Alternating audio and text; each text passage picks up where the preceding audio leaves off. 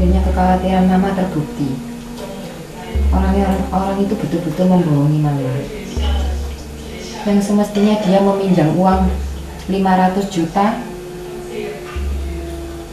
Ternyata mama yang dituduh meminjam dia uang. Hah?